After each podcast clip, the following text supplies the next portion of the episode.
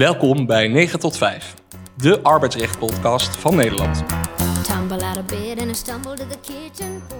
Het is vandaag 10 maart 2022 en dit is alweer aflevering nummer 16. Ik ben hier samen met Ruby, Samad en Thea Vlot. Welkom. En mijn naam is Olivier van Hellenberg-Hubaar. We gaan het vandaag hebben over een actueel thema. Er is een war on talent gaande op de arbeidsmarkt. Werkgevers weten niet waar ze hun werknemers vandaan moeten halen. En zijn ze eenmaal binnen, is het nog een hele opgave om ze ook binnen te houden. De nachtmerrie van iedere werkgever is dat zijn talentvolle medewerker vertrekt naar de concurrent en zijn ex-werkgever vanuit daaruit gaat bestoken op al zijn pijnpunten.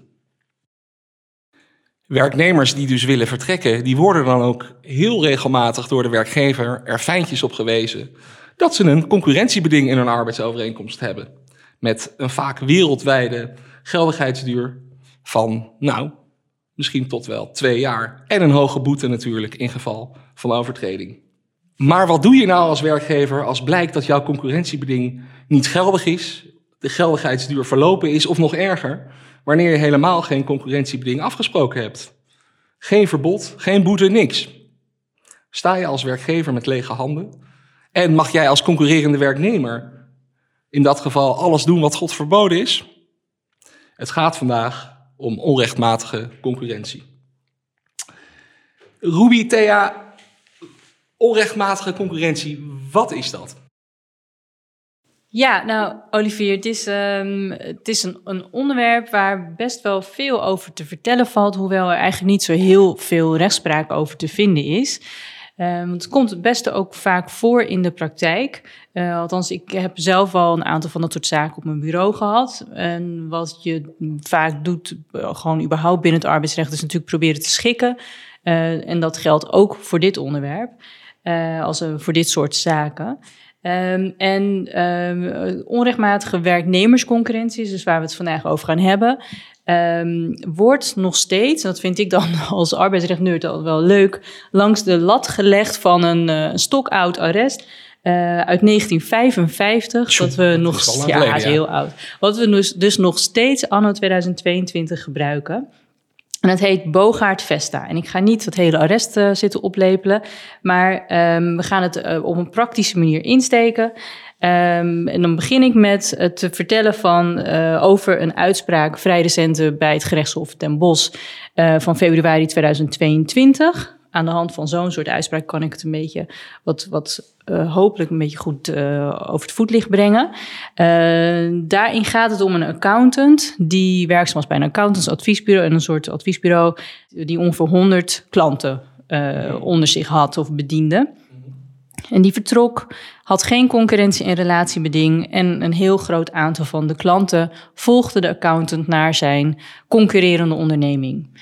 Zij volgden die accountant. Klopt, ja. Dus of heeft die accountants uh, gebeld en kom eens mee? Nou ja, dat is dus een van de dingen waar het uh, dan over gaat. Dus de dingen die je gaat toetsen uh, als, als werkgever of als advocaat van de werkgever, voormalig werkgever.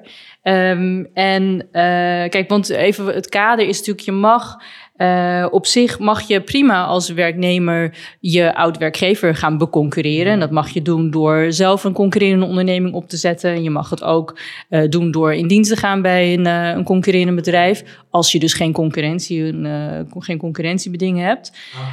Okay, um, maar, en het is allemaal heel vervelend, maar het is nog niet per se onrechtmatig. En er is pas sprake van onrechtmatige concurrentie als er sprake is. Dan, daarvoor moeten er bijkom, bijzondere, ik moet goed zeggen, bijzondere bijkomende omstandigheden zijn. Wacht even. Um, dus je zegt, um, stel ik heb geen concurrentiebeding, uh, dan mag ik dus gewoon concurreren, tenzij bijkomende omstandigheden.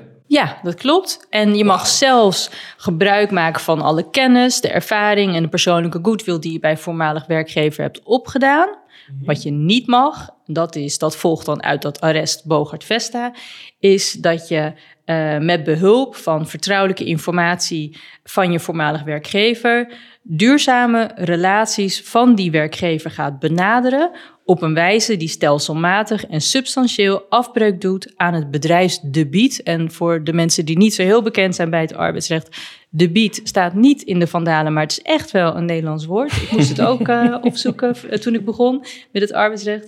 Um, en um, je mag dus geen afbreuk doen aan dat bedrijfsgebied van de voormalige werkgever. Gebruikmakend van de know-how en of de goodwill die je bij diezelfde werkgever hebt verkregen. Dus en wat is dan bedrijfsdebiet? Ja, bedrijfsdebiet, ja, heel goede vraag. Dat, is, dat zijn bijvoorbeeld bedrijfsrelaties, bedrijfskennis en bedrijfsgeheimen.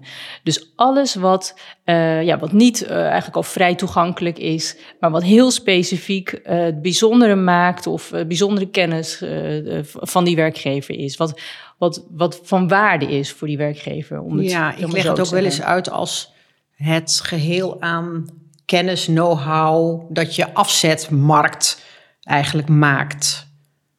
Hè, Dus daar waar je je ja, producten of kennis, afhankelijk van wat je verkoopt, kwijt kunt. Ja, ja. Wat, ja, dus het, eigenlijk het meest waardevolle, maar dan op zo'n manier dat het. Want prijzen op zich, want dat is ook weer het punt. Het, is, het zijn niet losse onderdeeltjes afzonderlijk. Het is een combinatie van ja. al die ja, onderdelen tezamen die maakt dat het te beschermen heeft. Van, ja, holistische benadering. Ja. nou, ik weet niet of het holistisch is, maar het is. Uh, um, ja, goed, het, het, is dus in ieder geval. Uh, op die manier is het onrechtmatig. En als ik dan weer um, kijk naar bijvoorbeeld een recente uitspraak uh, van dan dus. Die, waar ik net over begon, van het Hof Den Bosch. Dan zie je dus dat die accountant daar wordt dan naar gekeken dat die heeft een persoonlijke, een bestendige relatie met al die klanten. Dat heb je natuurlijk met bepaalde beroepen, zoals bij een accountant of een, uh, ik zag een voorbeeld van een schoonheidsspecialiste, uh, die, je, je, kapper, ik noem maar wat, die, die volg je vaak. Uh, tenminste, ik denk, dat, doe dat wel altijd. Um, en, um, maar uit de, de, de, deze uitspraak blijkt dan dat, deze, dat er gekeken wordt of die account ook echt heeft geprobeerd om die klanten te benaderen. Met de intentie om ze over te halen mee te gaan. En dat was niet aan de orde, althans, het bleek niet uit de stukken. Um, ja, en dan moet dat ook nog stelselmatig zijn. Hè? Ja, precies. Dus je kan als je 200 klanten hebt en je vraagt er vijf mee, dan is dat nog niet stelselmatig. Niet per, kijk, als het de grootste vijf klanten zijn, is het misschien weer anders. Maar ja, in principe met vijf van de honderd is dat niet een substantieel onderdeel van uh, de klanten. Ja, wat substantieel is, kan natuurlijk verschillen per keer. En ik heb ook altijd begrepen dat als je een algemene mailing de deur uit, uit doet. en daar zitten ook de klanten in van je voormalig werkgever.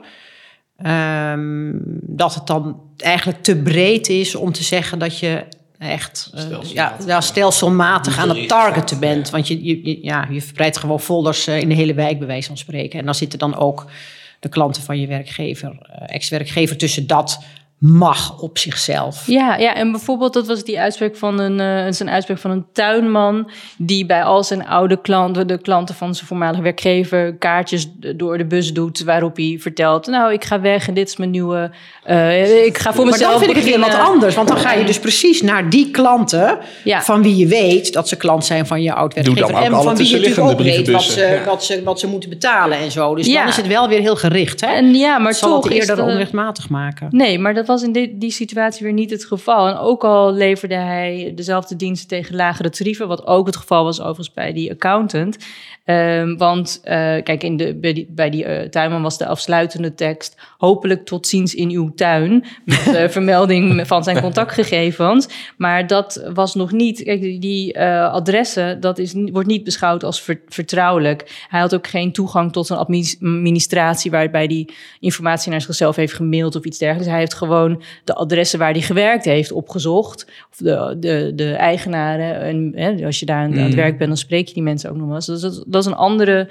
Dat, dat was weer niet gezien als onrechtmatig. Um, en het kan natuurlijk best zijn dat als je voor jezelf gaat, dat je dan iets lagere tarieven hanteert. En dat geldt ook bij die voor Dat is die vertrouwelijke informatie, die, die prijs of niet. Klopt. Als je niet, daar net onder gaat zitten. Ja, prijzen, eh, als je het alleen moet hebben van uh, dat je lagere tarieven mm. hanteert, daar, daar ga je het niet op winnen als werkgever. Maar de rechtspraak zegt volgens mij ook wel inderdaad over prijzen dat het prijzen zijn vaak toch wel te kennen, ook voor anderen. Dus die kun je toch wel makkelijk opvragen. Ze verouderen natuurlijk ook snel, zijn snel achterhaald.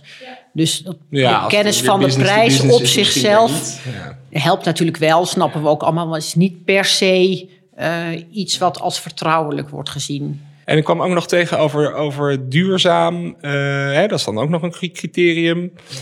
Bedoelen we dan eh, duurzaam klanten die er dus al, al heel lang klant zijn? Dus naarmate je meer langlopende klanten eh, gaat targeten, dat je dan sneller een overtreding bent? Ja, nee, dat, eh, het, het, als- kijk, als het met duurzaam wordt bedoeld dat die klanten voor langere tijd gebonden zijn aan die werkgever. Eh, het gaat niet alleen om eh, contractuele gebondenheid, maar eh, er wordt als voorbeeld bijvoorbeeld genoemd de relatie tussen een tandarts en een patiënt. Nou ja, goed, dat is een beetje hetzelfde wat ik net noemde, die accountant en de klant. Of, Dus even de criteria op een rijtje, naar aanleiding van deze rechtspraak. Dat is op basis van vertrouwelijke informatie. Ja, vul me aan hoor. ja, vertrouwelijke kennis of gegevens die je hebt opgedaan bij je voormalig werkgever. Ja, die is je- kennis die dus niet publiek bekend is, die alleen jij vanuit binnen het bedrijf, eh, eh, ja, waar je achter bent gekomen. Oké. Ja, die je dan aanwendt om eh, het, duurzame bedrijfsdebiet van je voormalige werkgever op een stelselmatige en substantiële wijze af te breken. Dat, dat zijn de criteria. Wat ik denk wel even goed is toch, het kwam al een beetje langs, maar ehm, ik krijg wel vragen van werkgevers die zeggen, ik heb iemand laten gaan en hij is mij nu aan het con- concurreren. Dat kan toch zomaar niet? Eh, ja, even los van de vraag of je een concurrentie of een relatiebeding hebt of een geheimhoudingsbeding of allemaal. Ehm, is het soms wel moeilijk uit te leggen dat het dus op zich wel Ja. kan. Hè? Daar begon Ja. jij ook al mee. Op zichzelf is de markt vrij. Mogen we natuurlijk dus je mag, je mag concurreren. Alleen het mag niet op een ja, oneigenlijke of onrechtmatige manier. En dat wordt het dus hè, door die Bogaat Vesta criteria die Ruby net noemt. Dan Ja. kan het oneigenlijk, want dan is het eigenlijk niet meer eerlijk wat je doet. Want dan maak je gebruik met kennis die je daar hebt opgedaan. En die zet je dan op een ja, gemene manier zet je die in. En dan kan het onrechtmatig worden. Maar als dat dus niet eh, eh, op die manier gaat, dan is de markt eh, van iedereen. Ja, dus ik mag gewoon een Je mag gewoon concurrerend concurreren. Ja, het is gewoon een vijver en daar mag je in vissen. Ja, Ja. als ik maar niet achter die grootste vissen van mijn oud-werkgever eh, ga. Nou, dat mag, Dat mag ook. Alleen als je het maar op een eerlijke manier doet. En dus niet, hè, dus met gebruik maken van die kennis en stelselmatig. Dan mag het niet. En dat is natuurlijk best wel een hoge lat eigenlijk. En er is nog een maar, eh, de, die niet noto of de wel notoren onrechtmatige concurrentie. Daar, Ja, er wordt in er de, in de eh, literatuur wel een onderscheid gemaakt. Ik heb het bij rechters eigenlijk nog nooit zo gezien. Ehm, tussen ehm, gedragingen van een ex-werknemer eh, die notoor onrechtmatig zijn en niet notoor onrechtmatig. En niet notoor eh, onrechtmatig, dan ga je dus naar, langs deze criteria van wat gebeurt er precies, is het stelselmatig, et cetera. Maar notoor is als, het een, als je als ex-werknemer een ja, gedraging, eh, of als je iets doet ehm, wat, wat sowieso al onrechtmatig is. Nou, dan moet je bijvoorbeeld denken aan diefstal van gegevens. Er zit ook ergens een, een, er kwam ook een uitspraak tussen van informatie van de werkgever die dan in een kluis zat. Nou ja, als je die dus steelt bijvoorbeeld, dat is al Dat is onrechtmatig. op zichzelf natuurlijk al. Dus dan hoef je niet ook nog stelselmatig en, en noem maar op. Maar dan, dan doe je al iets wat onrechtmatig is. En dan haal je daarmee dus eigenlijk al gelijk de lat van eh, onrechtmatige concurrentie. Ja, die lat is natuurlijk zo moeilijk eh, te, eh, te, te bewijzen. Omdat je natuurlijk uiteindelijk moet je dat maar gaan bewijzen als ex-werkgever. dat hij eh Ja, het dat is nog even iets anders. tot et cetera, et cetera. Ja. En, Dat klopt. Dat is nog even En iets anders, maar nog- dat is wel een, een probleem. Hè? Want je weet zelf natuurlijk ook niet precies wat die ex-werknemer aan het doen is en hoe. ja, Dus dat moet je dan bewijzen. Eh, en dat kan natuurlijk best lastig zijn. Eh, terwijl je met het enkele feit van nou ja, diefstal van gegevens of spionage... eh, als je dat kan bewijzen, dan, dan, dan stop je bewijslast daar. En dan heb je misschien al genoeg binnen om Ja, want naar dat de kantonrechter te gaan. En, eh, Ja. ja. Dat Ja, maakt het dan en, en wat ook nog een, veel voorkomende situatie is, is die waarbij je concurreert, of concurrerende activiteiten eh, op, opzet uh, of verricht op, terwijl je nog in dienst bent. Um, en uh, vooruitlopend op het opstarten van je eigen onderneming of uh, je overstap naar een concurrent. Um, dat is een heel, ja, dat is een veel voorkomende situatie waarbij dus meteen sprake is van een zelfstandige onrechtmatigheidsgrond. En dan hoef je dus, zoals Thea zegt, inderdaad niet langs die lat van Bogart Vesta te toetsen. Dan zit je gewoon meteen in, in, ja, in, in de onrechtmatigheid. Een, ja, in ja. een onrechtmatige handeling. Um, en, en nou goed, dat is iets wat... Ik op basis van 611? Klopt, op basis van goed uh, het in strijd handelen van goed, met uh, goed werknemerschap. Want je hoort natuurlijk niet je eigen ja. werkgever te uh, beconcurreren. Althans, dus niet terwijl je daar in dienst bent in ieder geval. Um, en, maar dat is iets waar ik me eigenlijk ook helemaal niet zo... Ik ben me nooit zo heel erg bewust geweest van niet-notoren en notoren onrechtmatige concurrentie. Ik heb eigenlijk heel vaak gewoon die Bogart Vesta, uh, dat arrest erbij ja. gepakt. En niet zo goed dit onderscheid voor ogen gehad. Maar vanaf nu wel. En de luisteraars hopelijk ook. En trouwens, ik zit nog even af te vragen. Um, bij een concurrentiebeding heb je natuurlijk uh, een hele duidelijke tijdslimiet. Uh, na twee jaar uh, nou ja, zit het erop. Um, hoe zit dat nou bij onrechtmatige concurrentie? Um, geldt dat mijn hele leven lang als werknemer? Ik ga weg en ik moet de rest van mijn, van, ja, van mijn carrière nog Bogaert Vesta in mijn achterhoofd houden. Hoe zit dat? Ja, in zekere zin uh, is het antwoord daarop ja. Dat moet je dus, uh, je moet de rest van je leven denken aan Bogart Vesta. Wauw. Um, want, nou, ik heb hier bijvoorbeeld een, een mooie uitspraak van de rechtbank Oost-Brabant van april 2020. Het gaat over een werknemer die werkte als engineer en vanuit die functie um, ontwikkelde hij de ja, rupsonderdelen. Um, en uh, dus dat deed hij op basis van hele specifieke um, informatie, technische en klantgebonden informatie. Dus de, de, iedere klant heeft zijn eigen wensen en aan de hand daarvan maakte hij uh, bouwtekeningen. Um, en die dit is, dit is eigenlijk een schoolvoorbeeld van een werkgever die het eigenlijk best wel heel goed heeft gedaan en daar ook voor wordt beloond. Um, die, werk, die werknemer had dus die hele specifieke kennis, die heel veel waarde vertegenwoordigt. Um, maar die kennis die heeft die werkgever ook uh, opgeslagen, allemaal in een digitale kluis, uh, waartoe slechts een beperkt aantal van haar werknemers toegang heeft. Um, dus op basis van een need to know. Um, en dat heeft de werkgever daarmee goed gedaan. Um, de, de, werkgever heeft ook een concurrentiebeding uh, opgenomen van de, met de duur van een jaar. Wat deed die werknemer? Die hield zich een jaar lang keurig koest, koest deed niks, dus na, na uitdiensttreding. En daarna ging hij keihard concurreren. Uh, hij vertrok naar de concurrent en ging alle klanten van, of niet, misschien niet alle, maar een aantal van die klanten van die voormalig werkgever benaderen. Stuurde offertes, stuurde ze e-mails, probeerde echt met ze in contact te komen. En voor het opmaken van die offerte maakte hij gebruik van de kennis die hij had opgedaan. Hè. Die, die kennis zat in zijn hoofd. Uh, maar dat was wel echt de specifieke, vertrouwelijke, waardevolle kennis van uh, dat bedrijf. Uh, daarvoor gebruik, dat gebruikt hij om die offertes mee op te maken. En, um, dus daarmee overtreedt hij eigenlijk die drie Bogart-Vesta-regels, toch? Ja, ja. ja, want hij was ineens van zijn concurrentiebedingssituatie... was hij in het onrechtmatige concurrentiebedingverhaal terechtgekomen, omdat zijn concurrentiebeding al was afgelopen.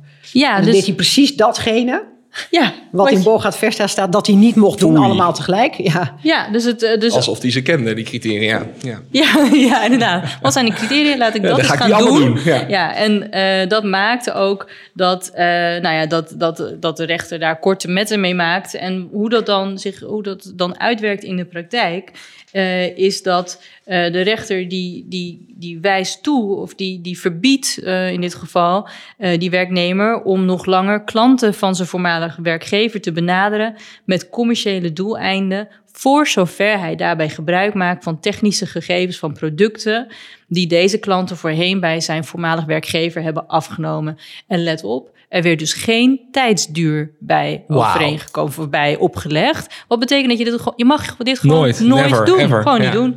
Dus um, nou ja, dat is een, uh, de, een reden om het, uh, dit arrest uit 1955 dan voor altijd in je achterhoofd houden. Het is gewoon nog steeds springlevend inderdaad. Ja, mooi hè? Ja, Ja, en ook mooi. voor werkgevers die denken, ja. Ja. shit, ik heb dat concurrentiebeding heb ik nu erdoor gekregen. En dat gold ook. En dat Ja. voldeed aan alle eisen. klaar, prima. ja. En potverdorie, twee dagen na omkomst van een jaar krijg ik te maken met de concurreren. Dan heb Ja. je dit dus nog. Ja, Ja. Eh, Ja. Dat is natuurlijk wel goed om in het hoofd te houden. Want als je een concurrentiebeding hebt, richt je natuurlijk toch vooral daarop. En dan realiseer je misschien niet zo gauw dat, Dat je nog iets over hebt de rest daarna. van de algemene regels, die altijd al voor iedereen gold, ook nog geldt eh, voor jou of ja. voor jullie Ja. na omkomst van het concurrentiebeding. Ja, en je hebt hem ook nog, dit de Bogaert Vestek eh, verhaal, op het moment dat je concurrentiebeding dus geen stand houdt. Hè. Dus stel het wordt vernietigd, daar hebben we ook voldoende uitspraken van, gaan we nu niet verder op in. Maar als het, wordt, het concurrentiebeding bestaat niet meer, nou, dan kan je ook altijd nog proberen om op de grond, op de, de vereisten van Bogaert Vesta, eh, aan te tonen dat je, er sprake is van onrechtmatige werknemersconcurrentie. En overigens, Thea, eh, we hadden het ook nog over, wat moet je nou eh, als jij nou de nieuwe werkgever bent van die eh, werknemer die eh, Ja. keihard loopt te concurreren. Moet je ook opletten. De nieuwe werkgever, hè? Ja. Ja. het dan over. Precies. Dus Ja. je hebt een werknemer. ehm, Dus Ruby die komt bij mij werken. Ja, en jij hebt aan Ruby En ik gevraagd weet van, dat maar dan kom ik bij jou werken. Kan je niet bij mij komen werken? Eén van jullie gaat bij de ander werken. Ik ga bij Ruby werken. Maar je bent in ieder geval allebei slim genoeg om te zeggen: joh, heb je een concurrentiebeding? Ja. Want ehm, ja, anders dan eh, gaat het feest misschien niet door. Nee, eh, ik heb geen concurrentiebeding. Ik kan zomaar eh, overstappen, niets aan het handje. Ehm, en eh, jij treedt bij Ruby in dienst. Of omgekeerd. Ehm, nou, dan geldt dus dat je, eh, ondanks het niet hebben van afspraken, relatiebeding zit er natuurlijk ook bij met je oude werkgever, je dan dus in de val van de onrechtmatige concurrentie kan trappen hè, en kan doen wat, wat verboden is. En de vraag is dan, wat betekent dat dan voor jou als nieuwe werkgever? Ehm, hè, als er een concurrentiebeding wel is en je werknemer, eh, je nieuwe werknemer, overtreedt zijn concurrentiebeding met zijn oude werkgever, dan kun je ook als nieuwe werkgever aansprakelijk zijn voor eh, de schade die de oude werkgever leidt als gevolg van die overtreding. Bijvoorbeeld omdat jij omzetten maakt op basis van eh, eh, succesvol wegtrekken van klanten van je werkgever. Dat kan, maar dat kan ook als je geen concurrentiebeding hebt en er is sprake van onrechtmatige concurrentie, dan geldt ook dat je als nieuwe werkgever eh, verantwoordelijk kunt zijn, aansprakelijk kunt zijn voor de schade die dat oplevert aan de oude eh, werkgever. En daarvoor is nodig dat je oftewel. wel iets fout gedaan hebben. Ja, dus dat je, of, iets, dat je eh, moet daar natuurlijk een aandeel in hebben weten. op de een of andere manier. Dus het moet of aan jou kan, kunnen worden toegerekend als Ja. een nieuwe werkgever, of je moet zelfs bewust misbruik hebben gemaakt Hmm. van eh, dat oneerlijk concurreren. Dus ja, als je daar profiteren. ja, als je dat samen zit te bekokstoven, Ja, om het zo maar te zeggen, dan kan je ook als werkgever eh, een dagvaarding in de bus krijgen. En eh, nou ja, bijvoorbeeld eh, de omzet moeten afdragen als het eh, slecht afloopt. Ook nog wel even om eh, eentje om in de gaten te houden. Zeker bij je onboardingproces als eh, werkgever. eh, toch even een scan maken. Wat haal ik in huis? En, Nou ja, dat sowieso. Maar goed, als iemand geen concurrentiebeding heeft en hij begint toch te naar. concurreren. Ja. Hè, op, op de manier die niet is toegestaan, dan moet je dus gewoon opletten. Want als je denkt van, hé, hey, dat gaat lekker, die man komt met allemaal klanten, dan moet je je toch een keer gaan afvragen van, hoe komt hij daar eigenlijk aan? Want straks eh, zie ik ook in dit probleem. Ja, want zelfs nog, en dan even alleen om aan te, aan te stippen, zelfs nog de situatie waarbij een werknemer bij jou komt werken ehm, en allerlei klanten met zich meeneemt, eh, eh, ja, meeneemt, die hij ooit zelf weer heeft meegenomen van eh, uit zijn eigen netwerk of voormalige werkgevers bij de werkgever waar die vandaan komt. Dus ik weet niet, volg je me nog? Dus dat, dat je zou kunnen denken, nou, dat zijn dan toch echt mijn eigen klanten die ik Mhm. meeneem naar werkgever A, maar ik ga nu naar werkgever B en ik neem ze weer mee. Ja, ook dat kan, daar is ook een uitspraak over, ook dat kan dus eh, ja, onrechtmatig zijn, omdat het dan op enig moment toch behoort tot dat bedrijfsdebiet van die werkgever waar je bent weggegaan. dus die klanten die je hebt meegenomen, die, worden dan, eh, die gaan dan deel uitmaken van dat bedrijfsdebiet. Ja, ja dus je denkt van ja, het zijn mijn eigen, die werknemer dacht het zijn mijn eigen klanten. Maar hij is daar weggegaan zonder daar iets over af te spreken. Nee, mag je toch niet uh, proberen uh, op die manier. Dus als je voldoet aan al die andere criteria, proberen mee te nemen. Ja, daar moet je daar denk ik wel inderdaad geen afspraak over hebben. Mm -hmm. Want vaak is het natuurlijk een afspraak. Ik kom bij jou werken, ik neem mijn eigen klanten mee. Maar die blijven altijd mijn klanten. Ook als ik weer bij jou wegga, ja. dan neem ik ze. Maar als je dat afspreekt, ja. ja. dan kan je natuurlijk later niet zeggen: die zijn nu van mij, ja. die behoren nee. tot mijn bedrijfsgebied. We zijn aan het eind gekomen van deze aflevering. Uh, wat nemen we mee? Werkgever, zorg dat je een concurrentiebeding en een, natuurlijk een geldig boetebeding afsluit. Heb je dat niet, weet dat je nog altijd terug kan vallen op Bogart Vesta. En heb je het wel, weet dat je dan naast het concurrentiebeding ook nog op Bogart Vesta kan terugvallen. Werknemer, voor jou geldt tot aan je pensioen, hou rekening met Bogart Vesta. Hang die boven je bed. Mag ik bedanken, hartelijk danken, Ruby Samat en Thea Vlot. Deze uh, aflevering is terug te luisteren op 9 tot 5 podcast.nl via Spotify en Stitcher.